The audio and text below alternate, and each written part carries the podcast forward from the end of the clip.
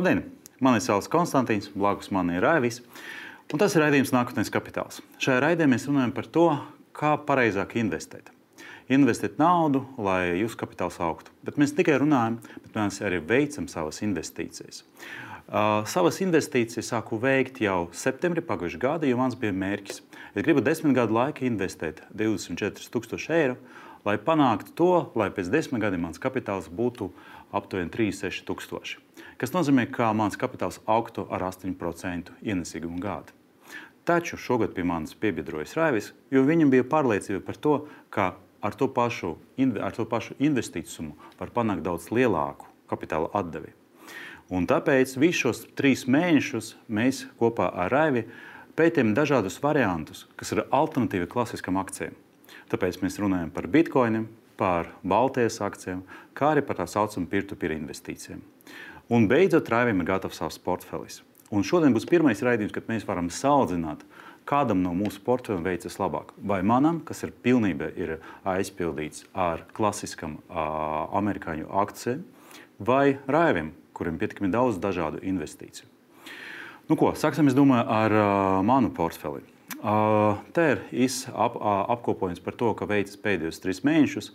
Bija kādu brīdi pat izbrīns, ka man gāja pat labāk nekā SP 500 reitingam, taču kopīgais SP 500 reitings nokrīta šogad salīdzinājumā ar to, kas bija pagājušajā gadā. Un, ja pagājušajā gadā, 21. gads, bija veiksmīgs un uh, dažas akcijas izauga pat līdz 20-30%, tad šogad mēs uh, novērojam pietiekami uh, lielu kritumu dažos segmentos, īpaši tehnoloģisku segmentu.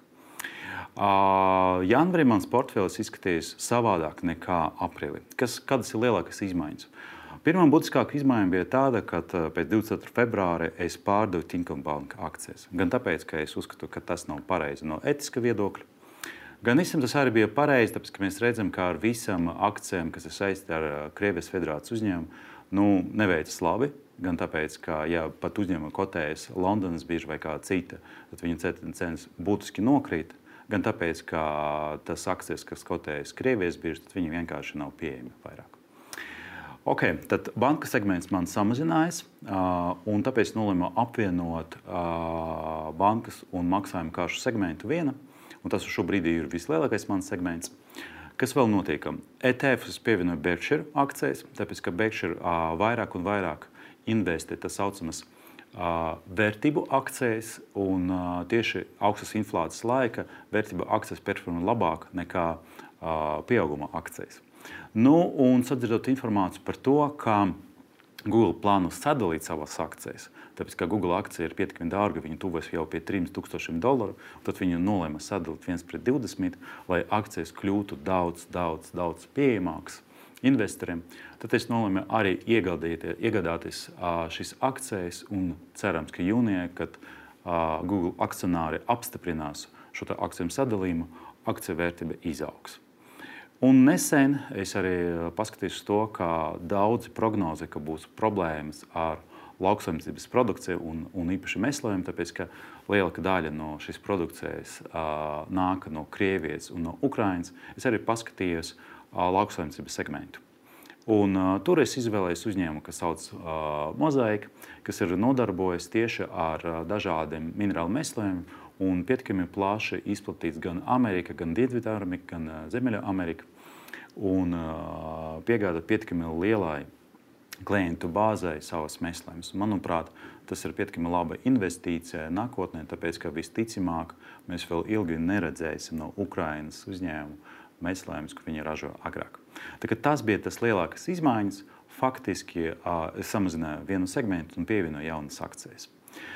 Ja mēs paskatīsimies sīkāk, kā performē uh, mans uh, portfels, tad mēs redzam, ka ETF neveicas labi, bet attiecīgi enerģētikai, uh, akcijiem, kas saistīti ar uh, pārtiku un uh, akcijiem, kas saistīti ar uh, mazumtirdzniecību, veids pietiekami veiksmīgi.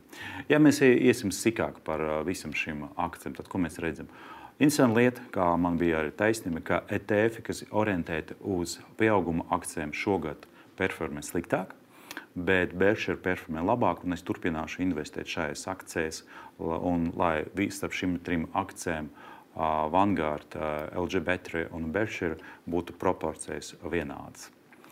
Nākamais - enerģētika, viss ir kārtībā. Gan klasiskā enerģētika, Shell, gan arī zaļa enerģētika, kā Next Era. Un, principā, šeit pat es ilgu laiku neko vairs neinvestēju, bet akcijas aug paši par sevi. Nākamais segments, tas ir segments, kas ir saistīts ar pārtiku. Faktiski ir trīs uzņēmumi. Burtiski nesen nopirku mozaīku akciju, un tāpēc tas ir neliels kritums. Bet vairāk saistīts ar komisiju, jo tur mēs runājam par 40 centiem. Bet gan Coca-Cola, un starp citu, Coca-Cola bija pirmā mana investīcija vēl septembrī, un vairākus mēnešus Coca-Cola akcija bija daudz zemāka nekā es viņu iegādājos, bet ļoti stabila performē augstas inflācijas laika. Gan arī McDonald's, kas ir viens no lielākajiem restorānu tīkliem, arī pietiekami stabili performē un tā ir izrādās ļoti labas investīcijas tieši uh, augstas inflācijas laika. Ja mēs runājam par finanses, tad ir nav tik labi. Īpaši uh, problēmas ir JP Morgan bankai. Interesanti lieta, ka daudzi pagājušajā gadā runāja par to, ka augstas inflācijas laika uh, centrālās bankas mēģina pacelt uh, banku likmes un rezultātā banku segmenta būs vairāk peļņas un banku segmenta akcijas performē labāk. Bet mēs redzam, diemžēl, pretēju situāciju. Tāpēc, ka daudzas bankas bija investīcijas saistītas ar Krieviju un saistītas arī ar uh, Ukrajinu, tāpēc viņi bija jānoraksta. Tāpēc arī bankas neperformē tik labi, banku akcijas neperformē tik labi, kā tika prognozēts. Nākamais segments - mēdīja. Šeit arī viss ir slikti. Gan New York Times, kuram gan, gan, gan uh, Disneyam, kur es speciāli investēju vēl vairāk. Tāpēc, ka tajā brīdī, kad akcija bija ļoti zema un tad, kad viņa krita, es mēģināju ar papildus investīcijām samazināt video iepirkuma cenu. Bet tomēr vēl šie abas akcijas uh, neperformē labi. Un nesen arī Netflix paziņoja, ka Covid laika beidzās. Un arī tuvākā laikā viņi paredz to, ka būs mazāk viņu abonentu Un tas būs pirmais uh, gadījums par daudziem, daudziem gadiem, ka abonentu skaits samazināsies Netflixam. Uh, Disney šajā gadījumā arī ar savu platformu Disney Plus arī līdzīgs Netflixam. Uh, pēc tam mēs skatāmies uz retail. Procter Gamble un Walmart performē abi divi un pietiekami labi performē. Mēs redzam arī pieaugumu ar diviem cipriem, tā kā šeit vairs nav ko komunicēt. Un tehnoloģijas. Interesanta lieta, ka no visām tehnoloģijas uzņēmumiem tikai Apple performē labi bet gan Google, gan Microsoft faktiski uh, uzņēmumi, kas vairāk fokusējas uz uh, programmatūru, nevis, nevis uz devaisiem, tad viņa performa zemāk. Un, starp citu, uh, daudzi eksperti saka par to, ka tieši augstas inflācijas laika tehnoloģiju gigantiem veiksies sliktāk, tāpēc, ka cilvēki vairāk tērēs uz, uz produktiem, kas viņiem ir vajadzīgi ikdienai.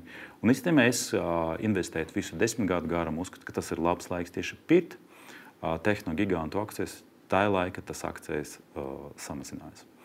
Un ko, tas ir mans portfelis, kā viņam veicas. Nelielas izmaiņas jau notika. Tagad nākamais mans mērķis vienkārši turpināt un izlīdzināt savas uh, dažādas kategorijas. Tāpēc, ka, kā jūs redzējat, arī kategorija finanses ir ļoti liela salīdzinājumā visiem pārējiem. Bet jau pēc īsa brīža Raivis pastāstīs, jo trīs mēnešu laika Raivis veic savu portfeli un beidzot šīs portfeles ir gatavs. Un tad ir liels jautājums, kā tad viņam veicās. Un drīz īstenībā šis raidījums beigās jūs uzzināt, kam no mums šogad veicas labāk. Paldies, Konstantīna. Nu, tagad uh, ir mana kārta pastāstīt. Man varbūt būs nedaudz garāks stāsts, tāpēc kā skatītāji, kuri seko līdzi raidījumam, zinās, ka, un kā to arī minēja, mans portfels sastāv no trim tādām uh, lielākām daļām, kas attiecīgi tad, uh, katrai jāpievērš nedaudz uzmanība. Tātad atgādinājumam uh, Baltijas akcijas, uh, kriptovalūtas un tā sauktie peer-to-peer uh, invest, investīcijas. Šeit var redzēt sadalījumu redzam, ka pēdējās investīcijas šo sadaļu peer-to-peer ir mazliet iespiedušas Baltijas akciju un kriptovalūtu sadaļā, un tad ir nedaudz neliels disbalans, bet to arī laikam ejot uz priekšu varēs balansēt. Bet, nu, tātad, kā ir veicies kopumā. Tātad, runājot par Baltijas akcijām, ir jāpievērš uzmanība tam, ka kā ir mainījies tirgus pēdējo mēnešu laikā. Šeit ir grafika, kas attēlo pēdējos sešus mēnešus. Nu, mēs redzam lielo dziļo bezdibeni, kas piemeklēja visus pasaules tirgus, un tā skaitā arī Baltijas akciju tirgu. Iespējams, ka Baltija pat vēl smagāk ņemot vērā, ka mēs atrodamies blakus kara zonai. Un šeit arī tieši februāra beigās ir šis lielais kritums uz leju, kas gan nav, kā mēs varam redzēt grafikā, nav obligāti netipisks. Visticamāk, nebūtu bijis kara, nebūtu tik liela krituma, bet mēs varam redzēt, ka sešu mēnešu griezumā Baltijas akciju tirgus sāka lēnām iet uz leju. Tomēr nu, tagad atkal varam redzēt, ka situācijai mazliet stabilizējoties, NATO visticamāk, NATO sniedzot garantijas visam reģionam un tā tālāk, arī stiprina investoru cerības, un tāpēc mēs atkal drusku kāpjam uz augšu. Bet, attiecīgi, šis grafiks, šī līkne arī ietekmēja manas akcijas, manu portfeli. Tātad, Šeit mēs varam redzēt, cik ir ieguldīts un kāda ir vērtība. Redzam, ka vērtība ir nedaudz mazāka nekā tas, kas ir ieguldīts, jo attiecīgi arī viss tirgus gāja uz leju, akciju vērtība kritās un tas negatīvi ietekmēja.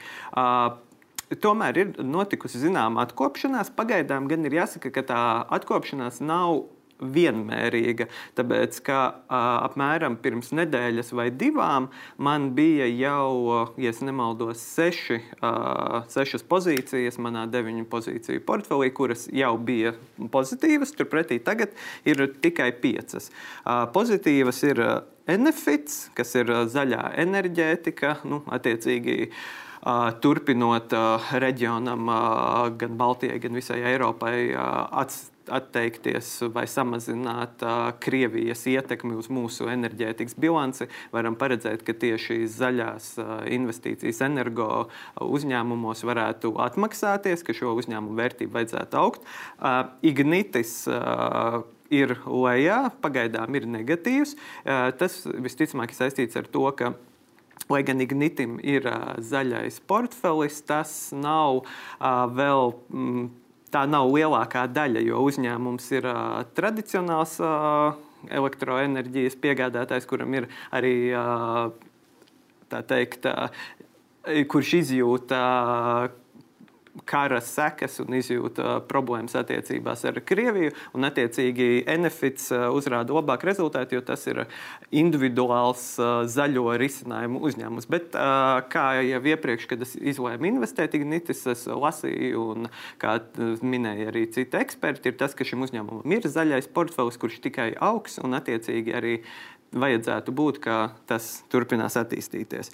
Tad, attiecīgi, Madara uzrāda labus rezultātus, stabili atkopjās, kas ir ļoti labi.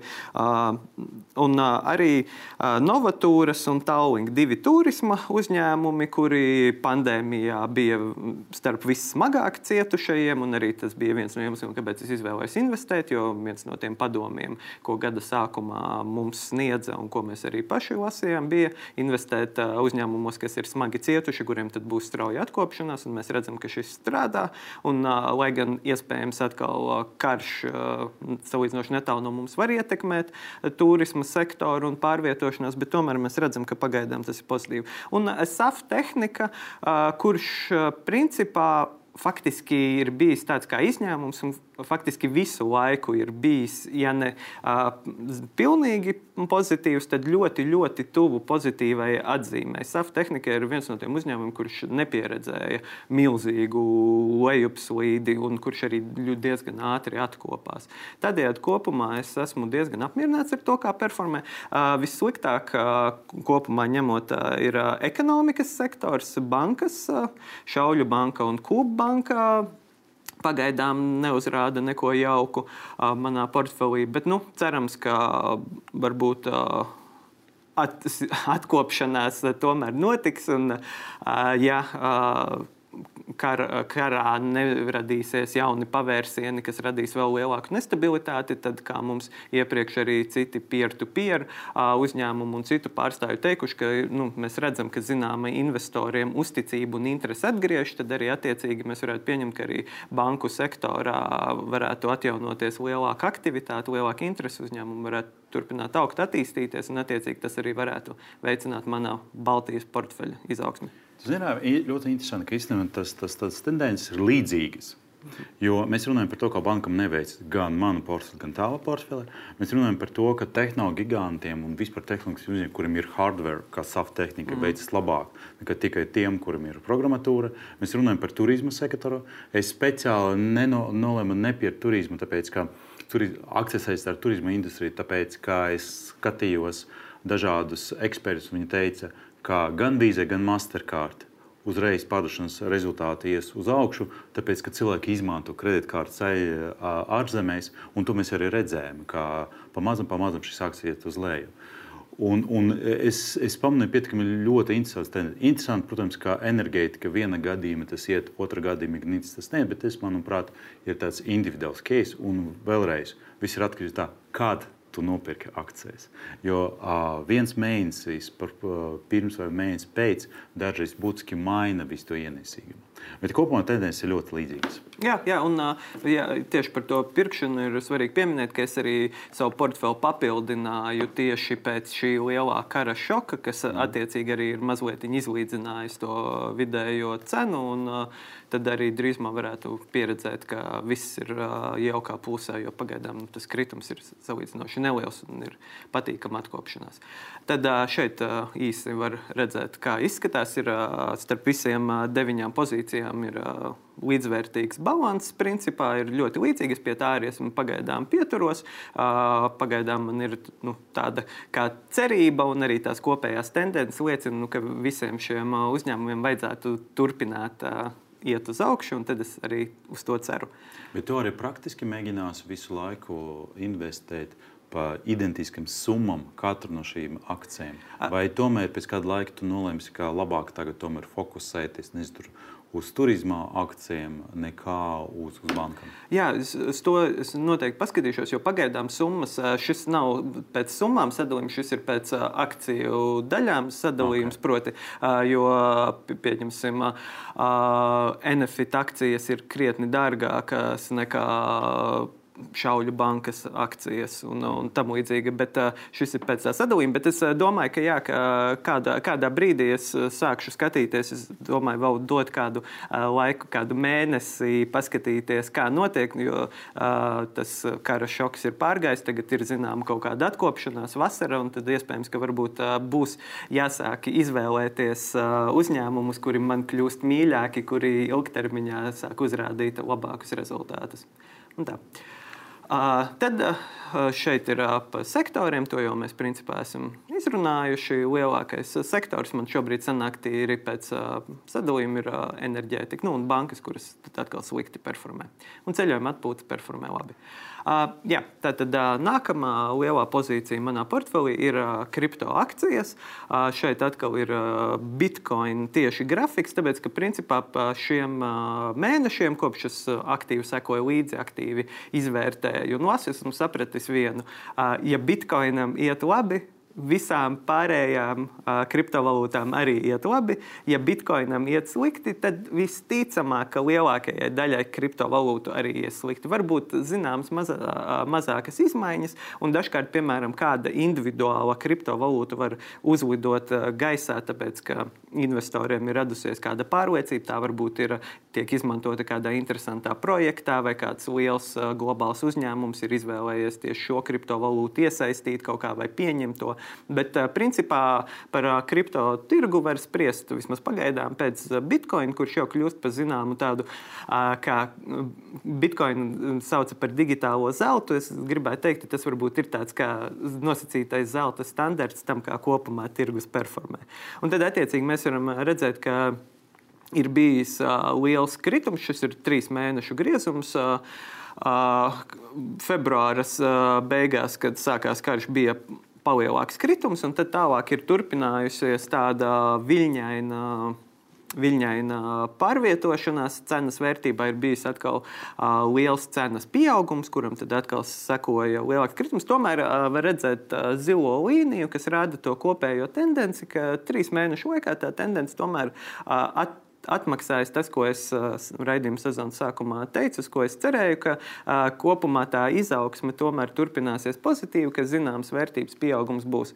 Uh, nav sasniegti nekādi milzīgi izcili rezultāti, nav 50 tūkstoši par vienu bitkoinu, kas ir nu, tas psiholoģiskā robeža, uz ko daudzi investori cer un izskatās, ka šogad var būt, ja e, tendence turpināsies, tad tas gada beigās varētu tikt sasniegts. Bet, nu, protams, ja visi pārējie tirgi ir emocionāli, tad kriptovalūtu tirgus ir visemocionālākais no visiem. Tur ir tās svārstības bieži vien ir grūti paredzēt, un, un arī tās svārstības var izraisīt ļoti ar īsto fizisko finanšu pasauli, bet dažkārt nesaistīts lietas. Un tad, kā nu, man ir veicies, jāatvainojas, ka šeit da, attēlā dažas no summām norādītas dolāros, bet Tātad, jo vienkārši mans izvēlētais servis ļauj pārslēgt tikai gala rezultātu eiro, bet pats daži, daži paliek dolāros, diemžēl. Bet tātad kopējais ienesīgums ir redzams, es esmu ir pozitīvs, esmu tīri patīkami priekšā. Lai gan ir jāsaka, tā, ja es nodarbotos ar kriptovalūtu spekulācijām, tad apmēram pirms divām vai trim nedēļām man būtu vajadzējis notirgot kā minimums daļu no tā, kas ir manā portfelī, jo bija ļoti, ļoti liels pieaugums. Vienā brīdī manā portfeļa vērtība pārsniedza 500 eiro. Tas bija vairāk kā, sanāk, vairāk kā 100 apmēram ap 150 plus bija pieaugums, tas bija ļoti milzīgs, tas bija tas lielais uzlaiciens pēc kara. Un man jāsaka arī tas, ka man šobrīd mani izteikti pozitīvie rezultāti ir. Šeit uzrādās tādēļ, ka es kriptovalūtu daļas iegādājos tieši kara sākumā, kad uh, tirgus uh, bija emocionāli noreaģējis, visiem bija ārkārtīgi lielas bažas. Tādējādi man uh, šobrīd ir uh, pozitīva bilance, un tā ir pozitīvāka nekā tad, ja es būtu nopircis, uh, piemēram, nedēļu pirms sākās Krievijas iebrukums Ukrajinā. Uh, tādējādi es šobrīd peldu uz uh, varbūt negluži pelnītiem lauriem, bet nu, uh, atkal tendences tomēr ir tādas, ka iet uz augšu, un tad teorētiski man nebūtu varbūt tik liels pieaugums, bet tam tik un tā vajadzētu būt pozitīvam. Um, Kopumā visas trīs kriptovalūtas, tātad man ir Bitcoin, Ethereum un uh, Solana. Uh, visas trīs principā auga līdzīgi. Vienu, dažkārt viena vai otra izraujās pirms tam pāris nedēļām, tieši kad bija kopējais kāpums tirgū, tad tieši Solana bija tā, kas manā portfelī nesa to lielāko daļu ienesīguma. Tas bija saistīts ar to, ka Solana arvien aktīvāk tiek izmantota NFT tirgu un attiecīgi dažādos citos plakus projektos, un tāpēc par to bija palielinājusies investoru interesi interese, bet līdzīgi kā sama, apstājoties, palēninoties Bitcoin tirgumu, tāpat arī, diemžēl, visi lielie iegūmi mm, krītas. Tomēr uh, ir pusē, ir pozitīvi, un uh, tas pagaidām jā, ir salīdzinoši veiksmīgi. Uh, jāsaka, gan jā, ka noslēdzot kriptovalūtu sadaļu, ir jāsaka tas, ka uh, šeit arī varbūt uh, daļai pierādās tas, kāpēc Eh, kriptovalūtas, eh, nu, ja mēs salīdzinām ar tradicionāliem investīciju rīkiem un pat ar eh, netik tradicionāliem, kā nākamais manā sadaļā, peer-to-peer vai uh, Baltijas akcijām vai kādiem citiem, ir tas, ka nu, teorētiski kriptovalūtu vērtību pieaugumu uh, negarantē absolūti nekas tikai tendences un uh, digitālās pasaules uh, pieņemšana. Tad tad attiecīgi šeit arī parādās tā lieta, ka teorētiski manas investīcijas, ja vien nekas šausmīgs nenotiek, es pieņemu, ka visticamāk es būtiski mīnusos neaizietu, bet tas arī var nebūt tas plānotais gada pieaugums. Un tagad ir, jā, šeit jūs varat redzēt portfeļu sadalījumu starp trim daļām. Principā investēts ir līdzīgi. Šeit es atkal vēlos uzsvērt, ka šis ir investētie apjomi, nevis konkrēto kriptovalūtu daļas, kuras man pieder, tāpēc ka bitkoina vērtības svārstās no 42 līdz 46 tūkstošiem. Attiecīgi man pieder ļoti maza daļa no viena bitkoina. Un tas pats ir ar Ethereum. Solana man pieder šķiet, ka nedaudz vairāk kā viena Solanas monētiņa, faktiskā un drusku vairāk. Bet tātad kopumā šobrīd es uzturu līdzīgu balansu investīcijās, un es vēlētos arī pie tā pieturēties, jo pagaidām nav nekādu signālu, ka vienai vai otrai būtiski vajadzētu iet sliktāk vai labāk. Un, un Bitcoins ir atkal jā, tas zelta standarts, kas tad uztur to portfeli. Un tad trešais bloks ir peer-to-peer -peer, investīcijas, kuras mums raidījumā, kuras skatītāji sekoja līdzi, varēja redzēt. Mēs intervējām uzņēmumu pārstāvjus, un tad es arī izvēlējos visos četros uzņēmumos, ar kuriem mēs runājām, investēt līdzekļus. Un šeit mēs varam redzēt to sadalījumu. Šobrīd lielākās naudas summas ir investētas kapitālajā, kas ir uz aizdevumu uzņēmumiem. Tur ir investēta 300 eiro. Tas ir trīs dažādos uzņēmumos. Tāpēc, ka kapitālajā uh, man ir jāatvainojas no iepriekšējiem raidījumiem, kad mēs runājām. Es nebiju pamanījis, ka uh, kapitālija samazināja minimālo investīciju uz 100 eiro, bet es nevaru ieguldīt 150 eiro. Es varu ieguldīt tikai 100 vai arī nu, lielāku soli. Attiecīgi, es nevaru tādējādi, es ieguldīju 100, 100 un tad vēl trešajā kārtā vēl 100. Uh, tādējādi mazliet novirzas no tā sākotnējā plāna, jo sākotnējais plāns bija ieguldīt 250. Man te ir jautājums par Jā. to pareizi paredzētu ienesīgumu? Tas ir par 14 mēnešiem vai par 12? Tas ir uh, kopējais uh, vidējais. Es, uh, mm -hmm. es saliku kopā Excel failā visus manus, uh, visas manas investīcijas, vidējo laiku un vidējo ienesīgumu. Nu, tas, tas ir pēc 14 jā. mēnešiem, tu dabūsi atpakaļ jā. visu summu plus 11,5. Mm -hmm. Jā. Kas nozīmē, ka tas nav pa gadu, tas ir drusku mazāk. Jā, jā. Okay. Tā, tā ir. Uh, un uh, jā, šeit tad, uh, Mintas un Tvino ir tur. Šie aizdevumi pagaidām visi uh, un, uh, strādā, nekur nekas nav uh, aizkavējies, nekāda maksājuma termiņa aizkavējušies, kas ir ļoti pozitīvi. Uh, un es teiktu, guru, uh, šobrīd, tagad vēl tikai, ja es nemaldos, mans pēdējais aizdevums ir a, apstiprināts. Proti, es teiktu, gurūs strādā pēc tāda principa, ka a, investori piesakās finansēt projektu, un tad, ja tiek savākta visa prasītā summa, tad tikai šis aizdevuma process notiek.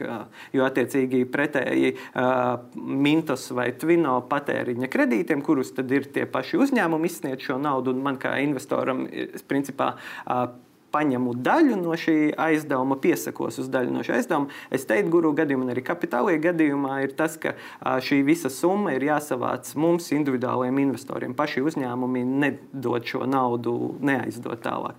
Un, attiecīgi, tagad man ir noslēdzies tas, ka visi mani uh, seši aizdevumi, es teiktu, guru, tātad pa 50 eiro ir uh, šobrīd uh, noslēgušies un ir visi veiksmīgi pieņemti. Un uh, par to, kāda ir mana stratēģija, kādus es uzņēmumus vēlēs izvēlēties izvēlēties un kādas aizdevumus jūs varat skatīties iepriekšējos raidījumos. Uh, jā, Un tad par, pagaidām par -peer būtiski nav daudz ko stāstīt, tāpēc ka pagaidām tas viss ir esmu tikko investējis. Man arī vēl nav atpakaļ nekādas naudas nākušas, un attiecīgi tur Galvenais ir, ka nekas pagaidām nav aizķēries. Neviens uzņēmums nav uh, sūdzējis par maksātnespēju, vai nav iestājušies nekāda atpirkuma, atpirkuma garantijas gadījumi. Tādējādi viss ir kārtībā. Un mana stratēģija principā ir uh, turpināt salīdzinoši vienmērīgi izplatīt finansējumu, jo es uh, pagaidām vēl vēlos attīstīt visus šos nosacīti trīs lielos blokus. Uh, nedaudz palielināt Baltijas uzņēmuma akciju proporciju, proti, lai samazinātu to peer-to-peer. -peer, uz, uzsvaru, lai mazliet vairāk izlīdzinātos. Es vēlos tagad, tuvākajās nedēļās un mēnešos, paskatīties, kas notiek ar Ethereum kriptovalūtu. Tāpēc, ka šobrīd piepildās tas, ko vajadzētu piepildīties vasarā, tas, kas jau ir ilgāku laiku solīts, ka šī kriptovalūta pāries no vidēji nedraudzīgākās sistēmas uz principā vidēji draudzīgāku sistēmu, kura patērēs mazāk elektroenerģiju, kas nozīmē, ka uh, to uh, kā otro tuvāko bitkoinu sekotāju varētu sākt plašāk izmantot dažādi uzņēmumi, kuriem iepriekš iespējams vides apsvērumi vai šo uzņēmumu klientu reakcija uz to, ka uzņēmums izvēlas investēt vai iz, pieņemt bitkoinu, kurš nav vidē draudzīgs, kurš patērē ārkārtīgi lielus elektroenerģijas līdzekļus, varētu pavērt durvis un eterums varētu kļūt populārāks. Tas iespējams varbūt vērtībā neobligāti apsteigs bitkoinu, bet varētu būt patīkams pieaugums. Un, jā, un nedaudz arī palielināt Twino un Mintas daļu, gluži vienkārši, lai tas mazliet izlīdzinātos arī tas iekšējais peer-to-peer. Bet pagaidām es esmu kopumā kopumā apmierināts ar to, kā mans portfels attīstās. Tomēr ir jāatgādina, ka es esmu tikko to noslēdzis, tikko pabeidzis tā pamata būvēšanu, tāpēc man uh, vēl nav uh, tik liela pieredze kā Konstantīnam, jau izvērtējot konkrētas pozīcijas, ko varbūt labāk pirkt un pārdot, no kā atteikties. Un es neizslēdzu, ka kaut kādā brīdī iespējams es, uh, piemēram, kriptovalūtu daļu izvēlēšos samazināt par labu, uh, varbūt uh, mazliet. Uh, drošāk, drošākiem ieguldījumiem, kuri aug tiešām. Bet nu, tagad ir laiks paskatīties uz slaidu to, kā mums ir kopumā veicies. Šis ir pirmais salīdzinājums. Un, nu tā. Tātad.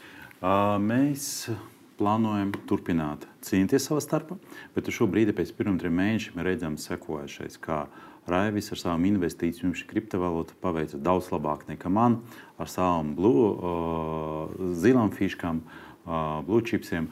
Un uh, uz šo brīdi uh, raiva ienesīgums ir 5, plus 5,2%. Man ir līdzīgs, bet ar mīnusu - minus 5,5%. Uh, tas uz šo brīdi ir īstenībā viss. Uh, mēs šīs investīcijas tikai sākam. Uh, mūsu plāns investēt vēl atlikušus jau 9,5 gadus un paskatīs, kur mums ilgtermiņā veiksies labāk. Bet uz īstermiņa varu pateikt par to, ka tieši alternatīvi investīciju veidi, alternatīvi tieši akcijiem performē labāk nekā klasiskas akcijas. Bet tas nav nekas, nekāds liels brīnums, tāpēc ka tieši augstas inflācijas laika tieši akcijas nav tas, tas, tas labākais veids, kur investēt salīdzinājumā ar tiem pašiem kriptovalūtām vai ar saucamu peer-to-peer investīcijām, kur ir ļoti garantēts uh, ienesīgums. Taču tiklīdz uh, centrālās bankas uh, izcinās ar savu inflācijas pieaugumu un inflācija samazinās, akcijas pieauguma atgriezīsies. Jo ne tik sen, pirms gada un pirms diviem gadiem, uh, akciju ienesīgums bija ap 20 un pat 30 procentiem. Katrs no mums turpinās savu, turpinās sekot savai stratēģijai. Mēs investēsim katru nedēļu 50 eiro, palielinās savus portfeļus, es domāju, ka drīz arī es sasniegšu savu pozitīvu rezultātu. Bet par mūsu portfeļiem jūs varat lasīt katru pirmdienu portāla Delfa biznesa. Mēs katru pirmdienu aprakstam to, kā mums veicas par nedēļu ar mūsu portfeliem. Kā arī turpināt skatīties šo raidījumu, nākotnes kapitāls katru otrdienu, gan Delfija portāla, gan Elfa pēc tam Delfa biznesa. Paldies, ka jūs bijat kopā ar mums un jau tiekamies pēc nedēļas.